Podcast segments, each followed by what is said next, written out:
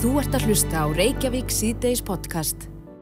Jæja, við ætlum að hefja leikin á svefninum í dag. Ég veit ekki hversu margir eru sifjaðar akkurat núna en vonandi hafa flesti fengið góða nættusöfn.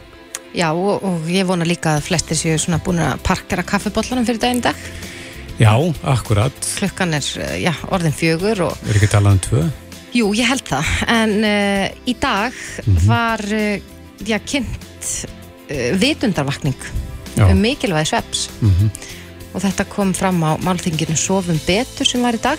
Já, er það ekki fyrsti óttabur? Er það ekki þessi vitanda dagur? Jú, nákvæmlega.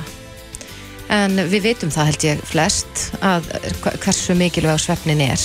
En Já. ég held að já, það megi endur taka það mjög oft. Mm Já, þetta er eitthvað sem að getur stundum, já, farið aðeins í vaskinu fólki. Já, nú ein af þeim sem stendur á þessari vitundavakningu er Erna Sif Arnóttir, hún er rannsóknarsérfræðingur í svefnar rannsóknar við Háskólan í Reykjavík og Landsbítala, komdu sæl. Sælveri. Já, þú tekur vantalundi það að svefnin sé gríðarlega mikilvægur. Já, klár, svona í, í stuttum máli þá segi ég bara já. Já, akkurat. Það er afskaplega mikilvægur og ég held að við finna það nú allavega í einn skinni fyrir að vera illa svofinn hvaða áhrif þetta hefur á bæði andlega og líkamlega hilsu. Já, ég rakst á það í morgunin á vefsíðu, erlendri vefsíðu, þar var eh, verið að velta upp þeirri spurningu uh, hvort að lesandin ætti það til að vakna klukkan þrjú á nóttu til og ef svarið var já að þá var hérna, hjælt textin áfram og sagði að, að lesandin var ekki einn. Þetta væri mjög algengt að fólk vaknaði þessum tíma. Hefur þú heyrt af þessu?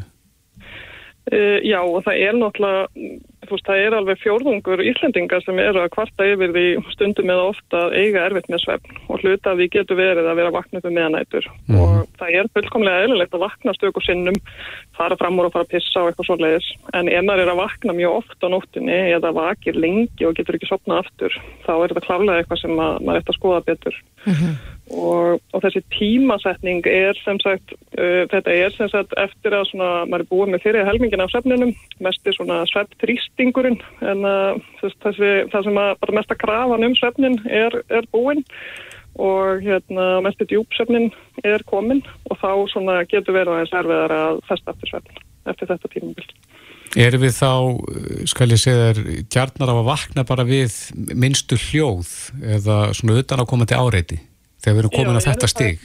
Einmitt, það nákvæmlega, því að djúpsefnin, hérna, það er erfiðast að vekja okkur úr djúpsefninum, það er svona þessi mest endurværendi svefn og þá er erfiðast að vekja okkur, þannig eru heila frumurnar að slá í kór og eru að, hérna, eh, mikil endurbygging sem á sér stað, en í hinum, hinn svefnstíðin eru svona léttari, það er auðveldur að vekja okkur upp af draumsvefni og þessum svona léttari svefni sem er setni partnætur. Þá eru við, maður þekkir þetta bara á börnunum hvað það getur verið erfitt að vekja það fyrir partnætur. Og hérna, í gegnum allt en svo undir morgun þá má alla rumska og þá fara þau á fætur. Nei, akkurat. Já, maður þekkir það. En uh, maður veltiði fyrir sér, sko, getur maður gert eitthvað til þess að já, tryggja það að, að djúpsvefnin sé næ, nægilega djúpur og, og já, til þess að sé kannski minni líkur að maður sé alltaf að vakna yfir nóttuna ef maður glými við það vandamál. Já, klálega, það er nefnilega ótrúlega margt sem við getum gert og við erum með í þessari vitundavakningu svona farið yfir þessa helstu þætti sem að fólk á erfitt með að passa upp á og þar á meðal eins og þess að koffinni. Og þegar maður er að drekka of mikið magna koffinni eða og seintur í daginn þá fær maður ekki sama magnið af djúpsefni. Og svefnin er bara ekki jafn endurnærandi. Þannig að jafnvel fólk sem að segir ég sopna alltaf þó að ég hafa fengið mig kaffibólla seint eða drukkið eitthvað orkudrykk að þá getur það samt verið að hafa áhrif á svefngæðin okkar og minka þennan mikilvæga djúpsöfn sem hjálpar okkur að vakna með tversk og, og hress næsta morgun. Þannig að það að sleppa öllu koffin eftir klukkan tvö uh, er einhvað sem fólk getur tekið sem áskorun í meistaramanni og í þessari vitundavakningu. Annað sem fólk uh, er mikilvægt að huga er þessi skjánótkonin þegar maður er í þessum skjátækjum síðustu ein, tvo tímana fyrir svepp þá eru við, uh, það getur við bæðið mitt verið að valda ef við getum ekki sopnað og aftur að minka gæðin úr svefninum. Þriðja er þá kannski að hugsa um sigur og áfengi að, hérna, að reyna að sleppa þessu svona á, á, á kvöldin, allavega að hérna, hafa þetta í hófi. Mm Að þetta er allt hætti sem hafa rosa mikil áhrif. Já, Og svo, og svo er það náttúrulega ef að maður er, ef maður hérna, er upp í rúm og getur ekkert sofið, þá er hérna, eins grítið að hljóma, þá er rosa gott að fara fram. já, og aðeins að reyna að ná áttum þá eða? Já, og svona hætta bara að hugsa um svefn smá tíma. Já, já. Þannig ef að maður er komin í, hérna, þegar maður er komin í þetta farða að sofa, þú verður að sopna þannig að morgundagurinn ómögulegur, Mhm. þá er maður bara komin í svo mikið vítarhing að maður getur ekkert sopna. Já. Þannig að það að fara fram og lesa smá eða eitthvað, bara gera eitthvað rólegt, það getur hjálpað getur hjálpa mikið. En Erna, að þú talar um skjánótkun og sumir eru bara háðir því að vera nánast í snjáltæki þangað til að maður lokar augunum og, og hérna fer að sofa. E, það er verið að selja það ekki svona glerugu sem eiga blokkera? Jú, þetta bláa ljós eða bláu byrtuna. nákvæmlega. Sko, það er nefnilega, ég var nú með með að tala um þetta aðan bara hann í vindavakningunni, að uh, okkur vantar betri rannsóknir og það, svo hvort það sé bara ljósið frá tækjunum, ljósið er klálega hluta af þessu, það hérna, gefur hérna, heilanum þau merki að það sé dagur og við eigum að vera vakandi. Mm og, en það er líka áreitið af símanum og það er allt sem við erum að gera í þessum snjáltækjum. Er maður að horfa á rólega mynd og, slag, og slakar á eða er maður í miklum samskiptum, er maður í einhvern tölvuleik og er maður að gera eitthvað sem vekur upp heilan. -hmm. Þannig að þetta er eitt sem við myndum gerna vilja rannsaka betur, að skilja einmitt hversu mikil áhrif það hefur að setja upp þessi glerugu og loka á bláaljósið. Það getur klárlega, getur klárlega að hjálpa, en það er a- a- allt í lagi að prófa það allan. Mm En uh, að því að þú talar um mikilvægi þess að fá djúpa svefnin, það er þá sem að uh, viðgerð líkamans stendur sem hæst. Uh, getum við mist af uh, þessum djúpa svefni með einhverjum hætti? Getum við, Já. getum við bara farið fram hjá honum? Sko, ef að maður er hérna, ekki með góða rútín á svefninum, það er einmitt svona áskorun fyrstu vikunar, er að hérna, hvetja fólk til að hafa góða rútín á svefninum. Það er því þeir semst að fara að sofa á svipuðum tíma og vakna á svipuðum tíma alla daga, líkum helgar. Og hérna kannski láta muna klukkutíma eða eitthvað um helgar, ekki mikið meira. Af því ef að til dæmis einstaklingur er vanur að fara að sofa 11 og vakna 7, þá fær hann sinn góða djúpsvefn. En þegar að sami einstaklingur fer kannski að sofa þrjú einan nóttina, þó hann sofi til 11, þá fær hann ekki sama magna djúpsefni. Og það er að því að þessi djúpsefn hann gerist á ákveðnum tíma í líkamsklukkunni. Það er svona þessi tími sem að líkamin er að losa hýta.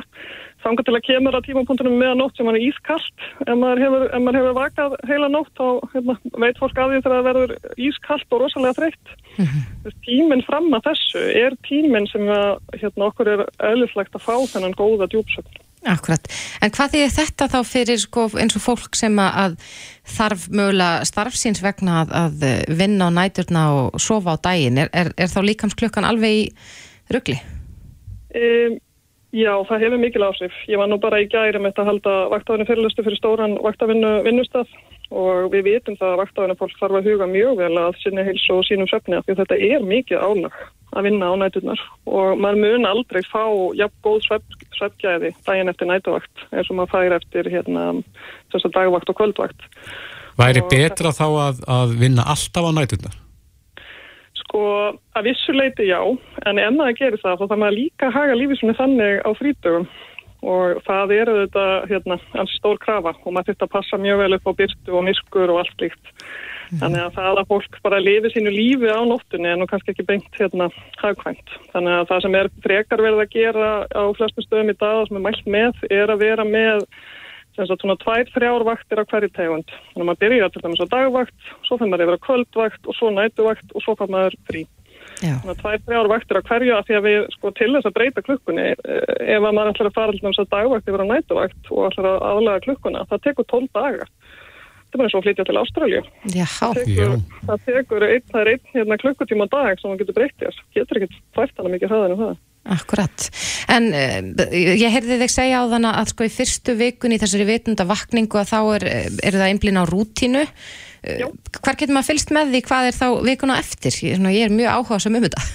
Já, endilega, hérna, það er bæðið að fylgjast með þessu inn á hérna, Facebook og Instagram hjá Embætti Landlagnis og hjá Betri Svepp sem er hérna samstafsæðalunum, hjá okkur Sveppsetur, ég sést fórstöðum að Sveppseturs háar og við erum með í þessu og hérna, endilega bara hérna, að læka við hérna, og horfa á þetta sem var í hátteginu. Ef fólk mistið af þessu, það er upptaka frá þessum flottu fyrirlestur sem voru í hátteginu, þannig ég mæli klálega með að, að horfa og, og, hérna, og fylgjast með Já, og taka þátt bara. ekki spurning. Erna Sif Arnardóttir, fórstuðum að Sveppseturs. Kæra þakki fyrir spjallið. Takk sem er leiðis, góða helgi. Þú ert að hlusta á Reykjavík C-Days podcast. Jæja, Reykjavík síðdeis, klukkan orðin hálf fimm og það er komin góða gestu til okkar, Guðni T. Jóhannesson, fósett Íslands, velkomin. Þakka þið fyrir. Já, það er náttúrulega þessi staði sem er komin upp í pólitíkinni Eh, menn býða spenntur eftir því. Þú hittir eh, fósættisáþurra Katrin Jakobsdóttur í morgun. Já. Hvað, hvað fór ykkur á milli? Við fórum yfir stöðuna og uh, atbyrðar á sína síðustu daga. Það lág fyrir uh, í aðdraganda kostningana að vilji leiðtoga ríkistjórnaflokkana þryggja stóð til þess að uh, í það minnst að kanna áhuga á frekaræ stjórnarsamvinnu fengju flokkarnir þrýr Uh, umboð kjósenda til þess, meiri hluta á alþengi. Svo var það raunin og svo rættist það uh, strax eftir kostningar og ég fekk það staðfest hjá þeim öllum að þau myndu vilja ræða saman og hafa gert það núna undanfarna daga og við Katrín fórum yfir uh, þær umræður núna á fundi okkar í morgun hér á skrifstofuminni í Reykjavík.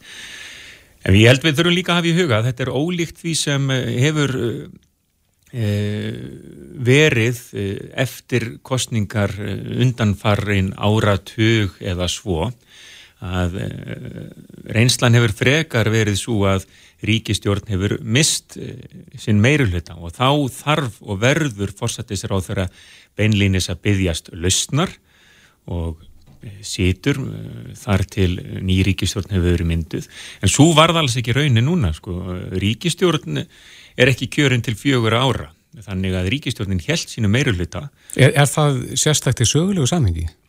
Já, við höfum, auðvitað, við höfum dæmi um það auðvitað að eh, ríkistjórn situr áfram og kannski nærtækast að minnast þess að viðreistnastjórnin svo kallaða sem var við völd frá 1959 til 71 hún endur nýjaði, eða fekk endur nýjað umboð 1963 og 67 og satt þá bara áfram, þurfti ekkert að byggjast lausnar og, og held bara sínu striki og að samaskapi var svo raunin með ríkistjórn uh, Davids Ottssonar í, og sjálfstæðisflokks og framsóknarflokks uh, sem tóku völdum 95 uh, satt áfram eftir kostningar 99 og svo aftur eftir kostningar 2003 þá þurfti fórsættisráð þeirra ekki að byggjast að lausnar og þurfti ekki að mynda nýja stjórn, alveg eins og við erum í þeim sporum núna, fórsættisráð þeirra þurfti ekkert að byggjast lausnar og að þýleitunum til eru ekki formlegar stjórnar myndunar viðræður í gangi því að engin stjórn hefur beðist lausnar. Við búum bara við sömu ríkistjórn og satt fyrir kostningar,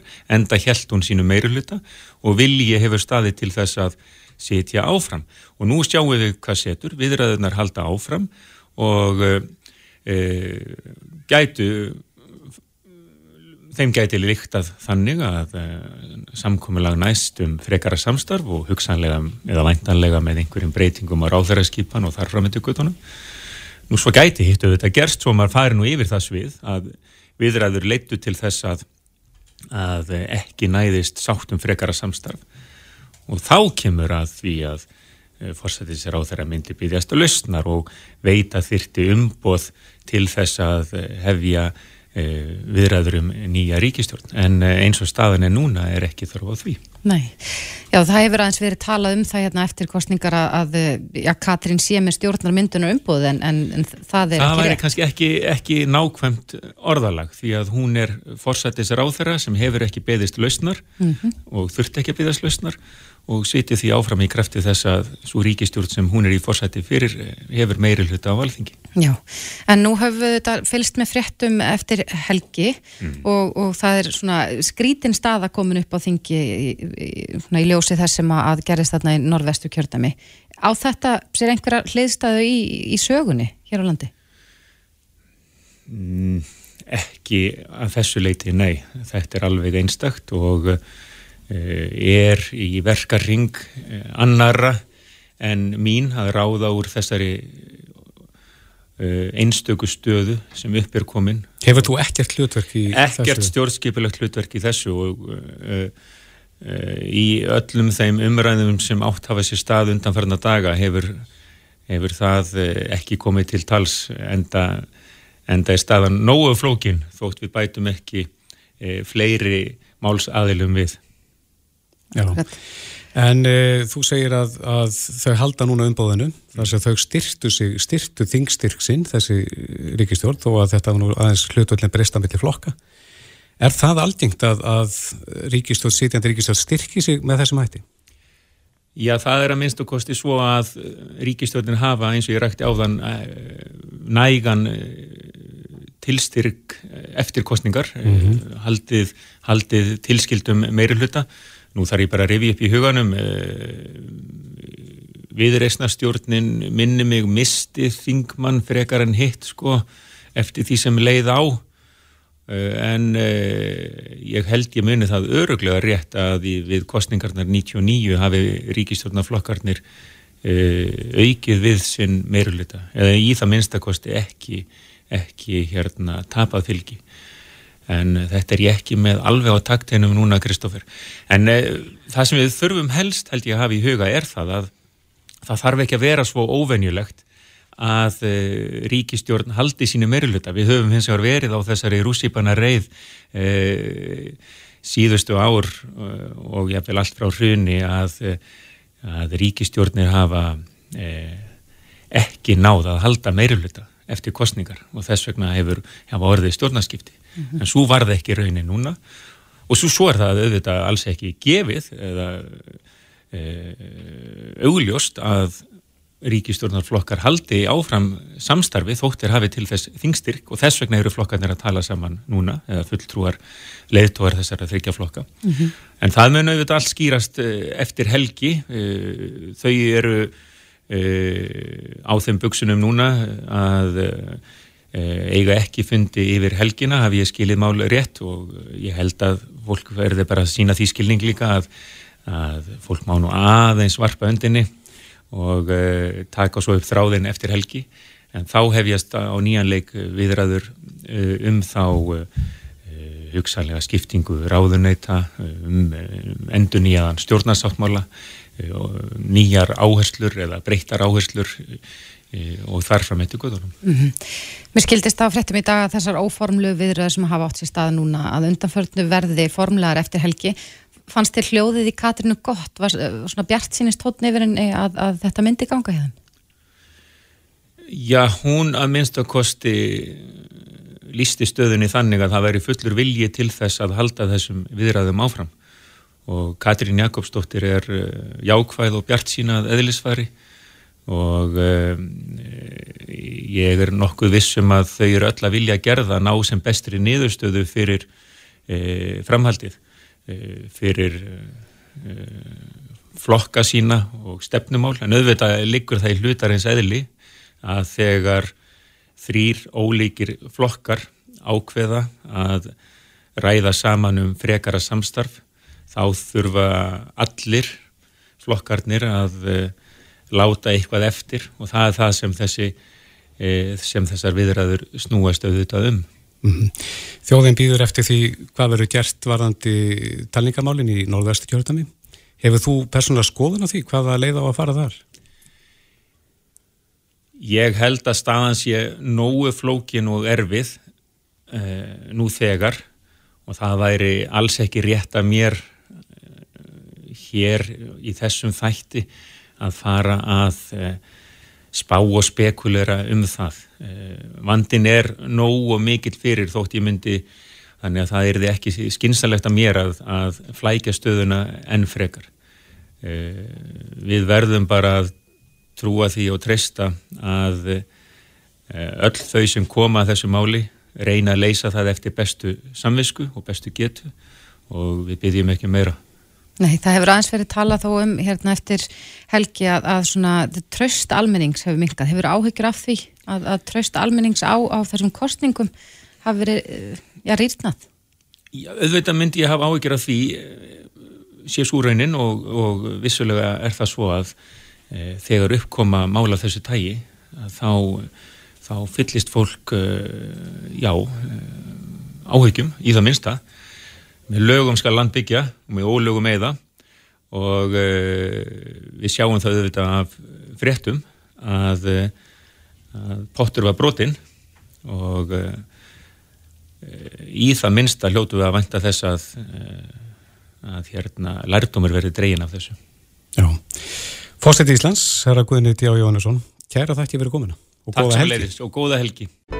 Þetta er Reykjavík C-Days podcast Já og jæja, segir maður, það stendur ennþá gósið yfir á já, Reykjanes regnum hann sunnarlega. Þetta er norðið ansið víðfengt svæði sem að, sem að almenningu verður varfið þetta, hvort sem það er kvikanu glóandi eða, eða hristingur. Og uh, nú eru þeir saman sem að menn er nú svona beina sjónum að uh, jarðskjáltar og kannski einhver kvikurheyfing sunnan megi við, við keili. Og, og, og hvað bóðar það nú? Sá sem er færastu til þess að svara því um, er Þorvaldur Þórðarsson, eldfjallarsjálfsæðingur er, eru við að gæti verið þarna gós á ferðin einhver, einhver reyfing hérna neyri? Ég finnst það langt líklegast að, að, að þetta tengist eitthvað þá kvikustreimi sem er í þessum gangi sem er hann niður og fæði gósið í Gjaldingadölu og það er kannski rétt að, að nefna það að það er ennþá kvika að flæða upp í Gjaldingadölum og, og út í raunnið og við sjáum það bæði af glóðinu sem að sást þar í gær og eins af þessari stöðu afgöðsum sem við höfum mm. en svo erum við með konum þessar skjáltæfni hérna sem er á 6 km dýpi cirka bát mm. hérna rétt sunna við keili og ef menn hugsa aðeins tilbaka sviðsvindir sem voru teknaður upp af, af, af hérna, aflögunarhófnum og sínum tíma þá voru með gang sem náði eiginlega frá nokkur neður frá Keili og alveg hérna söður undir Geldingadali mm. þannig að, að og þessi skjáltaði verið þess að vera beintir ofan þessa, þennan hérna hugsaða gang mm. Mm. og man, þannig mér finnst mjög líklegt að þetta tengi semst eitthvað hefingum í honum og þá er spurning út á hverju Eh, það getur verið þrengingar í eh, sunnandi þó en það sé að koma að kvika þar upp mm. það getur, eh, hún átt erfitt með að komast þar upp og þá náttúrulega verða að byggja þrýsting í ganginum og þá fyrir kannski að kvikan að leita sér að, að nýri leit þess að komast upp til lifibors mm -hmm. eh, Rétt árið næsta spurning kemur við tölum oft um ganga er það eins og í gangar á, í skólum eða, eða svona, svona hva, hvað það er það er ekki það sem gengur eftir þetta, er, þetta, er, þetta hugta kemur náttúrulega frá e, þeim hlutum við þekkjum kannski sem við sjáum í, í gamla staflunni hjá okkur mm. sem við kallaðum berggangar mm. sem oft skera sundur fjöllin sko bara hérna mm -hmm. e, e, loðrétt og, og, og hérna eru þá frostnar aðfæslu æðar fyrir kviku þegar hún var á leið til yfirbors í, í, í gósum hér í, í fymdini mm. Gott og vel, en uh, Þorvaldur, auðvitað hugsar almenningur alltaf sko er þetta eldhaf hugsanlega á leiðinu til mín eða samgöngu aðeða sem gerir þetta samfélagi að samfélagi á Reykjanesi og er, í mörgkorna líti í þeim efnum. E, e, gæti gós flætt úr þessum uh, til dæmis þessum sprungu sem eru fyrir sunnan keili og, og hvar jarðskjáltarnir eru? Um, skafa mannvirki Reykjanesbröð uh, Vogar, Grindavík Jájá, það er, það er, það er alveg möguleik af því. Ef, ef að verður gósa þessu stað þá er langt líklegast að hraun flæði sagt, í, í norður átt sagt, að bæði að kepla ykkur veginum og, og þá kannski eða næra flæðið ná, ná langt átt kannski til sjáar hérna. Og þá uh, hugsanlega rétt uh, hérna austan við voga. Þannig að þá eru þessar, þessir innviður og, og þetta, þessi byggð þarna komin kannski í ákveðna hættu frá, frá, frá raunflæði mm eru til plön, ég, það er kannski almannavarna að svara því en, en eh, ykkar kunnátt að hlýtu nú að koma til skjálana eru til plönum um uh, brottflutning eða hvernig skuli brúðist við ef að til stíks kæmi? Já, náttúrulega almannavarni geta svarað því miklu betur en ég en, en, en ég veit að það eru til plön. Mm. og, og hérna eh, almanna var það deildir á hverjum stað þegar maður líka hugsað, hugsað, hugsað út í þetta. Mm -hmm. og, og, og hérna og sérstaklega núna í ljós þess sem er, er að gerast. Mm -hmm. en það er sagt, ef að verður fæsla á, á sagt, mm -hmm. upptökunum sagt, og góðsir færi sér þarna, þarna norður eftir þá er meira undir. Það er, það er, það er bara þannig. Þorvaldi, ég veit að þú ert uh, mentaður og, og vannst á Hawaii-eigum þar sem að Dingjugós er mjög svipað og kannski vall hérna fyrst upp á, á Reykjanesi og, og uh, þegar við tölum um að ef hraungkvikan nær, nær uh, sjó fer, fer kannski glóðandi í, í, í sjóin við skulum segja bara í námyndaðu keflaðu flugvöld, hvað gerist? Sko það getur ímislegt gerst þegar það fyrir sjó og, og, og sko e sviðsmyndin er kannski, hún, hún er ganski fjölbreytt. En þess að, að fyrsta lagi yfirleitt þá erum við það sem hraunin fer í sjófram þá er annað hvort hraun á eða ekki ennum hraun pípu mm. og þá er þetta oft mjög svona vel afmarka flæði mm. og uh, það getur þegar það kemur í sjóun þá getur það hérna valdi kveldsuð á vatninu mm.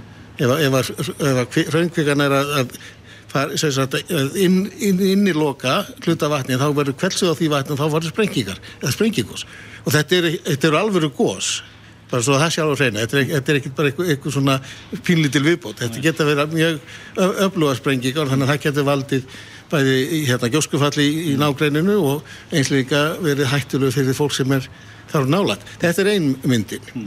hinn myndin er svo að að, að hraunin sem fer út í sjó það er náttúrulega getur síðu sjóin og, og, og hérna að þeim myndast eitur gufur og það getur verið, verið hérna saltsýra eða, eða magnísjum klórið eða önnur óþægli efni sem ekki er gott að anda að sér. Þetta getur valdið mengur sem getur verið skadvæn fyrir okkur. Mm en svo náttúrulega er líka svona frögn ef það stendur næra lengi þá fyrir að byggja sig út í sjó.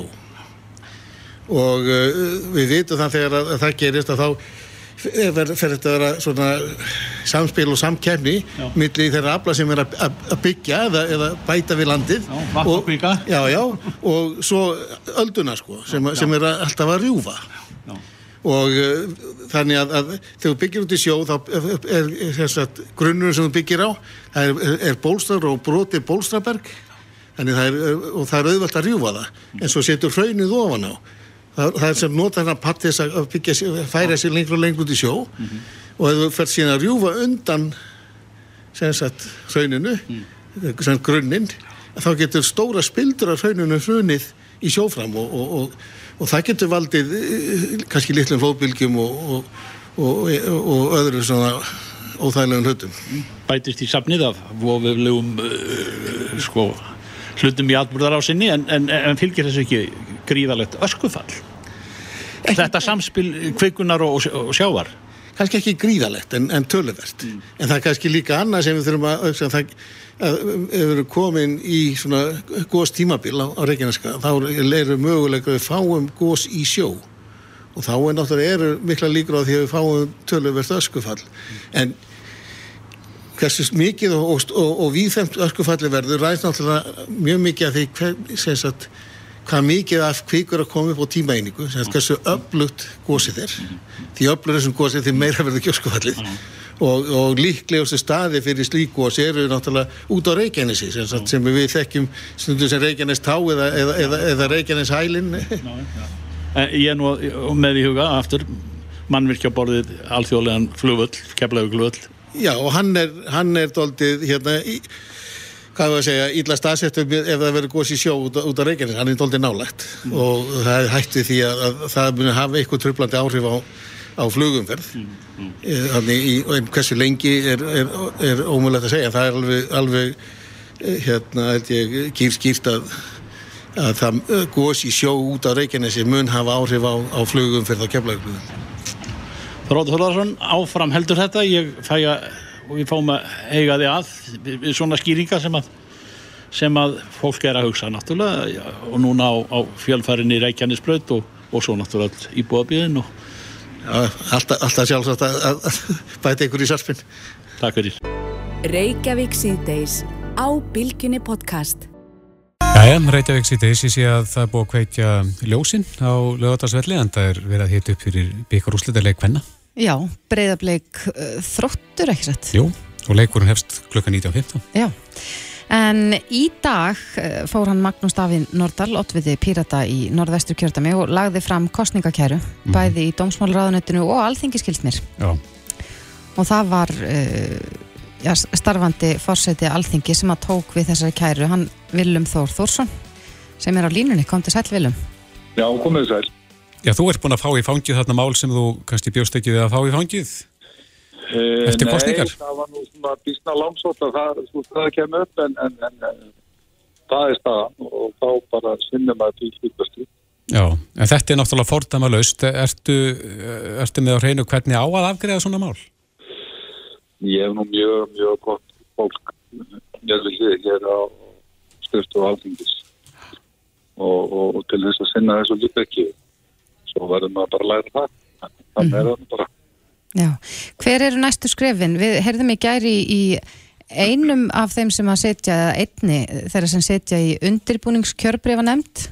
Já, Er komið á reynd hverjir fleiri muni skipa þessa nefnd? ég er svona í þessum tölu orðu var ég að senda postar um leið og fundi landskjöfstjórnar lauk þá sendi ég sagt, eh, ósk á alla þingflokka um formlega tilnefningu. En auðvitað erum við búin að eiga samtöl alla vikuna til að undirbúa þetta sem best og gefa þingflokkum að færa á að svona ráða sínum ráður hverjum og einum um það hvað að fulltrúa myndu taka þetta vandasama verkefni að sig Mhm. Þannig að- en ég er núna bara að býða eftir e, sem sagt þessari formlegu tilnefningu. Í framhaldi af því þá mun ég senda á alla tilnefnda nefndarmenn sem að taka sætt í þessari undirbúinu stöðbjörna bóðun til fyrsta fundur Já, en það var nú reynda að komið fram í fréttum viljum og þú eru alveg heyrtar fréttir að, að við höfum svona pínu leiðarvísi, Eh, það er þetta mál, eh, er varðar Belgíu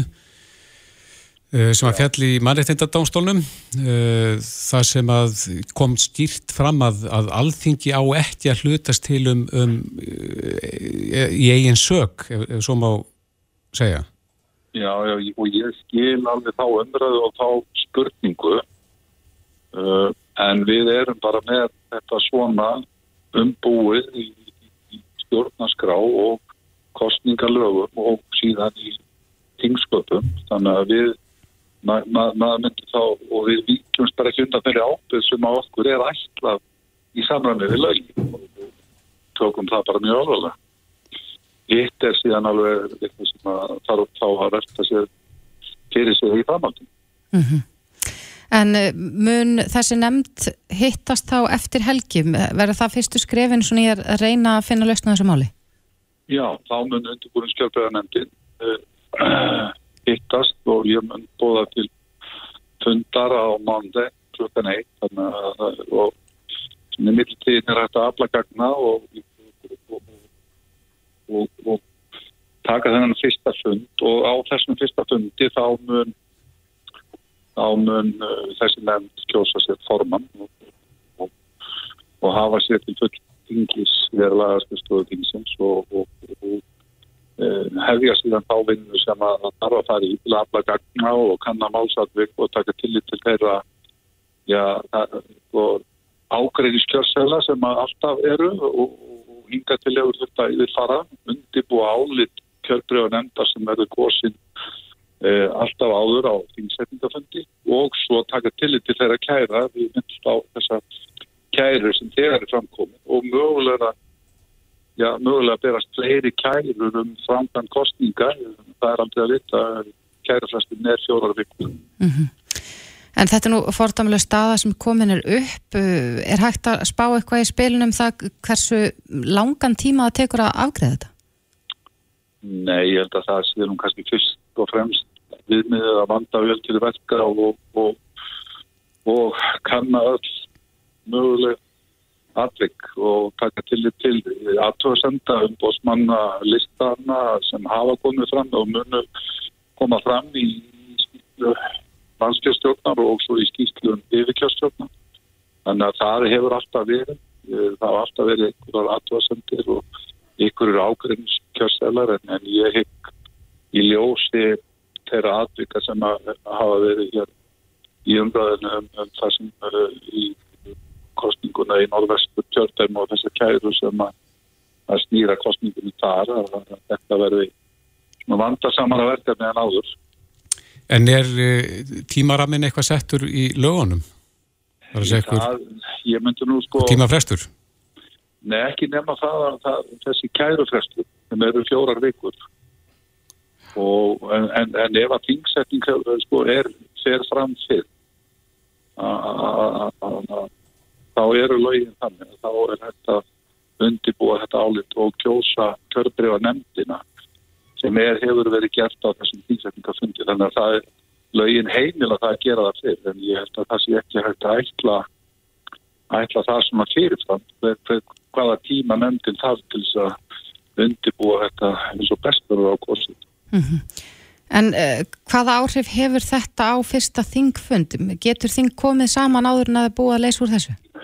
Þing getur í sjálf sem komið saman uh, uh, en ég held að það geti alveg líka farið ágætlega saman. Uh, nú er eru fulltrúar þeirra stjórnarflokki sem myndur ríkistjórnar 7-20 ambilega að ræða málinn og ég uh, mér sýnist það alveg geta farið saman að uh, þetta geti farið fram við yngsetningu tímaraminn sem að þessi blokkar áallar sér og, og, og, og finna þessar undirbúinus kjörnandar en það má alveg ætla að það yfirleitt er gert hlýja á þingundi þegar að búið er að kjósa í nefndina. Og þá er það í framkvæmdani að það eru sömu nefndarmenn sem hafa setið í undirbúinusnefndinu og taka sæti í kjörbröðanefndinni og eru þá kjörnina af alþingi til þess. Og þá uh, þekkja þeir málsatvík og, og, og, og álitströk og þeir setja saman og koma sér saman um að álitin sé í samband með stórn nefndarinnar og rita undir það. En það má alveg ætla að, að, að, að það þurfi að gera hljóða á fundi og gefa meiri tíma heldur en öllu jafna. Þetta er þannig staða núna. En ég ætla ekki að gefa mig neitt fyrirfram í þessum öfnum. Fyrst og fremst að taka þetta í skrifum, taka þetta mjög alvarlega.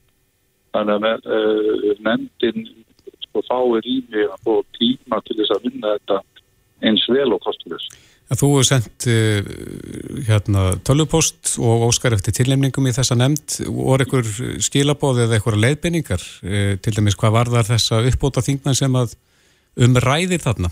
Uh, Nei, fyrst, fyrst og fremst bara til vísan í yngsköp og þessa heimil og hvert hlutar nefndarinn það er að rannsaka kjörbu og, og kostningar og, og framgang kostningar og, og þessi kjörbu í kjörna þingmanna og varaþingmanna sem að landstilt og útlutat eða var í, rétti þessu að útluta En er við hæfið að þetta séu þingmenn úr norðvestu kjörnæmi eða þessi eru uppbóta þingmenn í þessar nefnd? Það er í undirbúinusnefndinni Já. Uh, Nei, ég held að það sé ekki hyggilegt. Næ og ég rekna ekki, ég er svona rekna fast eða með því að, að flottarni sketi ekki þá þingmenn bara hreinlega í þá stöð Einmitt Þannig að þetta er nú svona tværsliðar á þessu máli líkast Mm -hmm. Já, við munum um sjá já, hverji vera tilhendur í, í þessa undirbúningsnemnd en Viljum Þór Þórsson, starfandi fórsiti alþingis. Takk að kærlega fyrir þetta og góð helgi. Kæra þakkir sem leiðis. Reykjavík síðdeis á bylginni. Já, ég hef Reykjavík síðdeis, töffarinn sjálfur, James Bond, hann er komin á kreik aftur. Mm -hmm. Nýjasta myndin, svo 25. í rauðinni, að mér skallast ekki, Já. verður frumsýnd í næstu viku eftir rúma viku held ég. Já, hvað er þú búin að sjá margar? Enga. ég vissi að þú myndir stríða mig með þetta. Ég hef Já. ekki enn síðan neina James Bond mynd. Nei, þú verður nú eiginlega að sjá hérna og það er svo- spurning hvað það er að byrja. Byrja maður ekki á upphafin. Þú getur byrjað á þeirri fyrstu, en það eru mjög ólíka síðan. Já. Náttúrulega tæknibrellur og annað breytist. Já, og það bara allt eftir. Það verður mjög mikið stuð hjá mér þegar ég loksins. Kemst í það? Já. En uh, við ætlum aðeins að ræða þessa mynd Mhm. og uh, það sem að væntanlegt er, það er ekki margi búinir að sjá þessa mynd. Nei, ég held að það sé einhverju örfár hér á landi sem eru búinir að fá að, að sko, kíkja á hana. Hún var frumsýnd uh, í Bretlandi held ég, bara nú- núna örgur með með helgina. Mm En mér skilst að Jón Gunnar Gerdal sé stærsti James Bond eða mesti James Bond aðdáðandi Íslands og hann er á línunni, kom til sæl. Komið sæl og blessið. Þú tekur það á þig? Já, já, ég, hérna, ég er mikill bóndándandi. Það er ég mesti landsins, ég veit ekki, en hérna, ég er búin að sjá eitthvað aðeins fleiri en, en, en dísa, sko. Já, auðvitað. En, eh, að mynd, það er eiginlega Nei. það er eiginlega rosalegt, sko. Já, Ég, þetta bara hefur farið fram hjá mér, ég held að það var bara eitthvað klikkað í uppeldinu. ég held að þetta er eiginlega lígilegt.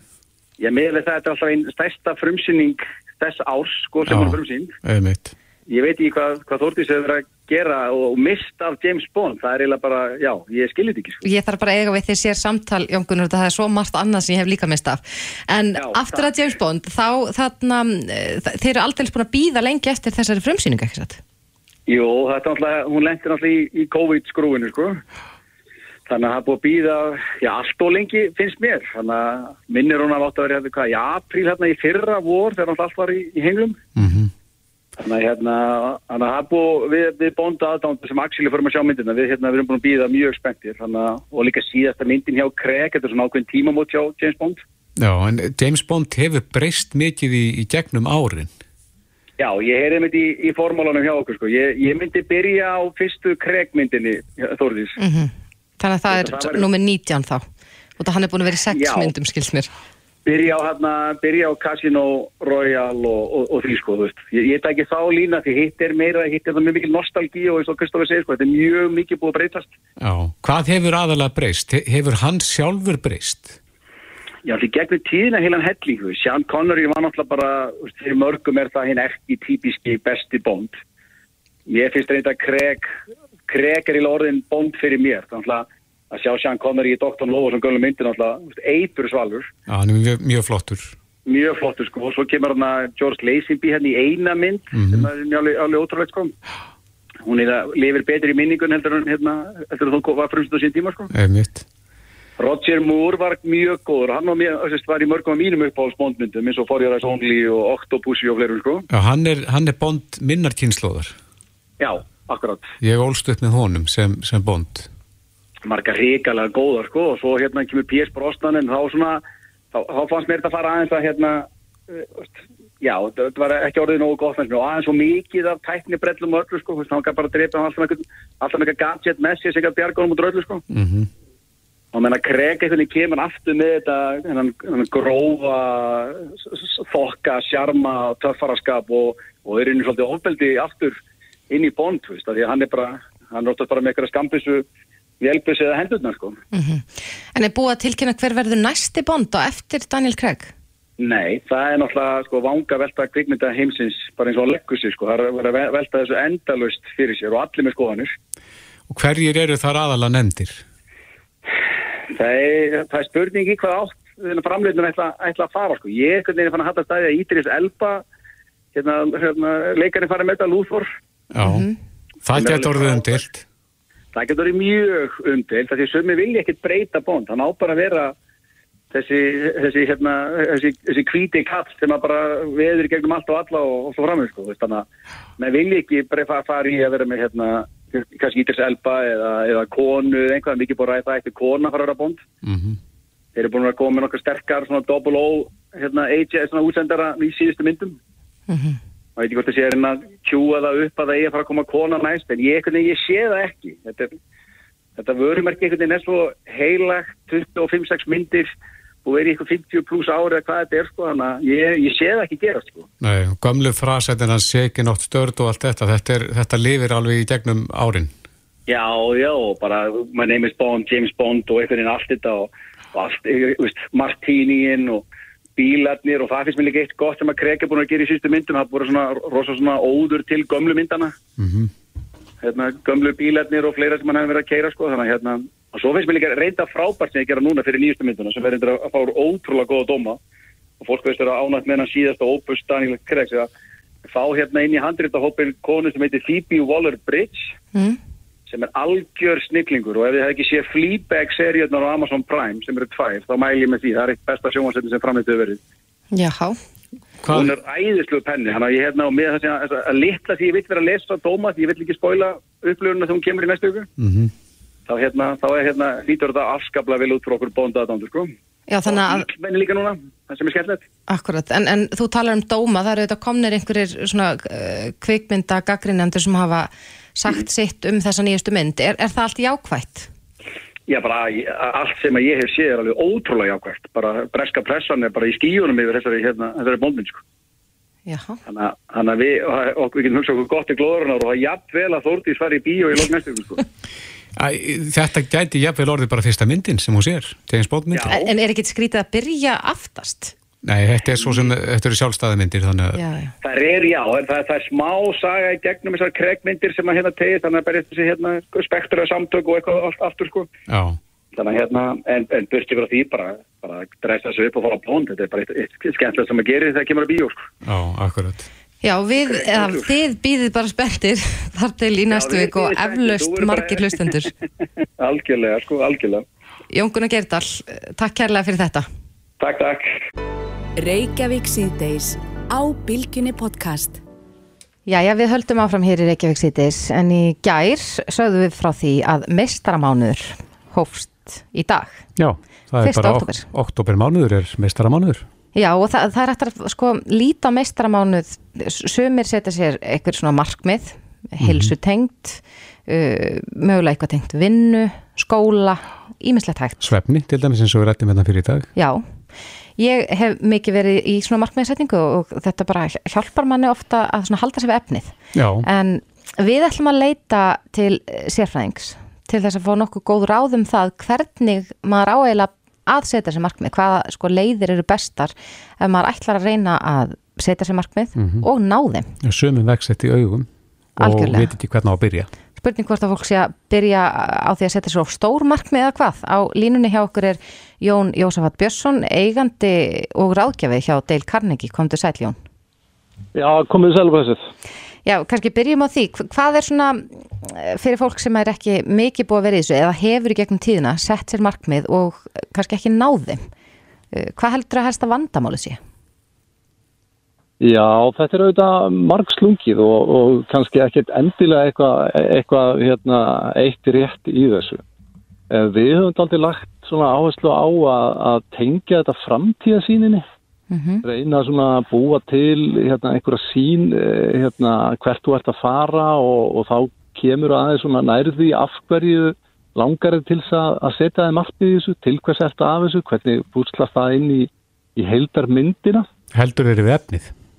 Já, já, af því að svona mjög oft þegar maður tala við fólk og, og spyr þú veist hverslas markmið er, er, er, er fólk að setja sér þá er, er oft mikil áhersla á sko markmið sem eru nálagt í tíma. En, en síðan svona ef maður krúskar í fræðunum og, og ef maður pínir sér til þess að setja sér sko markmið lengra fram í tíman að þá og ber það síðan við sko skamtíma markmiðin þá sérðu mjög oft að kannski helmingurinn af skamtímamarkmiðum er ekkit að kallast á við langtímamarkmiðin. -hmm. og þá þarf það að spá í býtu af hverju ertu að þessu? Ef þú, ert ekkit að fara að fanga sko. En ég held að sé nú mjög klassist að fólk setjur, setur sér einhvers konar markmið tengt heilsu, hvort sem það er sko að reyfa sig meira, létta sig, styrkja sig, svona margt í þeim efnum.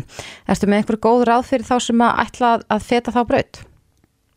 Uh, sko ég er nú svo sem engin sérstakur heilsu hérna rákjaði en hérna, ég myndi hvetja fólk til þess að gæta að jafnvægi í markmiðan að það, það er auðvitað alveg frábært að setja sig heilsu teint markmið. En, en ég myndi ráðleika öllum að velta líka bara fyrir sér veist, hvað með vinnuna eða námið eða fjárhagsmarkmiðin eða, eða það sem að, svona hérna, þau aðalsvið á þínu lífi. Af því að við sjáum mjög oft fólk sem að, að einbytti sér að einhverjum einu ákveðnum markmiði eða einhverjum einum flokk en vannrækir þá einhverja aðra, hérna, aðra hlýðar í leiðinni og það er eitthvað sem býtur mann í, í rassinn taldu setna sko. Akkurat. Við, hérna, mánu kannski benda á að við hendum upp fyrir einhverju mánuði síðan á, á deil.is, það er svona lífsmat, það sem að þú getur í raun og veru hérna, gefið þér engun á svona lífshamingju hjóli, þú getur bara metið stöðina á svona átta sviðum Mm og, og svona þegar þú ert búin að taka það stöðumat þá er þetta aldrei gott að spyrja sig að því, herru, ok, á hvað sviðu vil ég styrkja mig? Og, og hérna, og þá er fínt að fara í markmiðarsetning. Já, þar ætti markmiðin síðan að vera. Já, já, þetta, þú veist, markmið er ekkert að vera leiðileg, sko. Mm Þú veist, þau eiga að vera skemmtileg. Þau, hérna, þau þurfa að vera eitthvað sem þú vilt ná. Já, en nú hefur maður líka oft heyrt að fólk svona kannski ja, brennir sér svolítið á því að setja sér of háleit markmið og eitthvað sem er kannski ekki alveg mælanlegt til dæmis ef ég myndi setja með markmið að ég ætla að verða hamingjusamari Þa, þá er það nú kannski svolítið stórt og mikið. Er, er, er betra að búta þetta niður og, eða setja sér eitthvað svona mælanlegt markmið? Já, það er til frábær formúla sem að margir hafa notað í gennum tíðina og, og hérna kallast smart-formúlan mm. og það er bara ágættis svona hérna skapalón til að hafa svona til hliðar. Hvernig er hún? Þetta eru, hún er, hún er einfallega svo að, að, að hérna, þetta stendur fyrir sértækt, mælanlegt, aðlagandi, raunhæft og tímasett. Og, og það er ágætt að hafa hana bara svona til hliðsjónar þegar þú ert að setja þið markmið og spurja það að þessu, þú veist, uppfyllir markmiði þessa kriteríu sko. Mhm. og hérna að því að þetta verður að vera dálítið nákvæmt af því að svo er náttúrulega aðalatrið í þessu og það má ekki gleyma, þú þarf náttúrulega veluna þig ef þú nærð síðan markmiðin Það hljóma vel. Já, það er alveg líkilatrið í þessu Að hafa gulrót. já, já, já, já, algjörlega og, og sko frekar fleiri en færri sko Og veluna sig kannski á leiðinni, eitthvað. Já, já, setja, setja hérna, steina og vörður á, á leiðina og, og hérna, hafa gaman að þessu. Sko. Já, já. Það er allt og mikið held ég að, að maður er að setja sig eins og þið sögðu á hann, hérna, allt og mikið missa svo og svo mörg kíló eða fara allt og oft í rættina eða, eða hvað sem er og svo einhvern veginn springur hérna, maður á þessu og, og þetta er einhvern veginn bara, veist, þessar sex vikur eða hvað sem þú endist í þessu er bara búið að vera alveg skelvilega leðilega, sko. Veist, Að hafa gaman á gaman. það, það hljómar vel. Já, algjörlega. Já. Eh, Jón Jósafat Björnsson, eigandi og ráðgjafi eh, Dale Carnegie á Íslandi. Eh, Kæra þakki fyrir þetta. Við skulum vona að, að fólk geti nýtt sér þetta í mestaramániði, svona þessi ráð sem að þú hefur gefið núna. Kæra þakki og góða helgi. Vonum það. Takk fyrir mig. Við ætlum að skipta yfir á fréttastofuna hér eftir skamma stund. Og þá var síðan er bara komin helgi, en við verðum að sjálfsögðu aftur hér á mánudaginn á slæðinu fjögur. Já, Þórdís, Þorgir, Bragi og Kristófi þakka fyrir sig í dag. Góða helgi.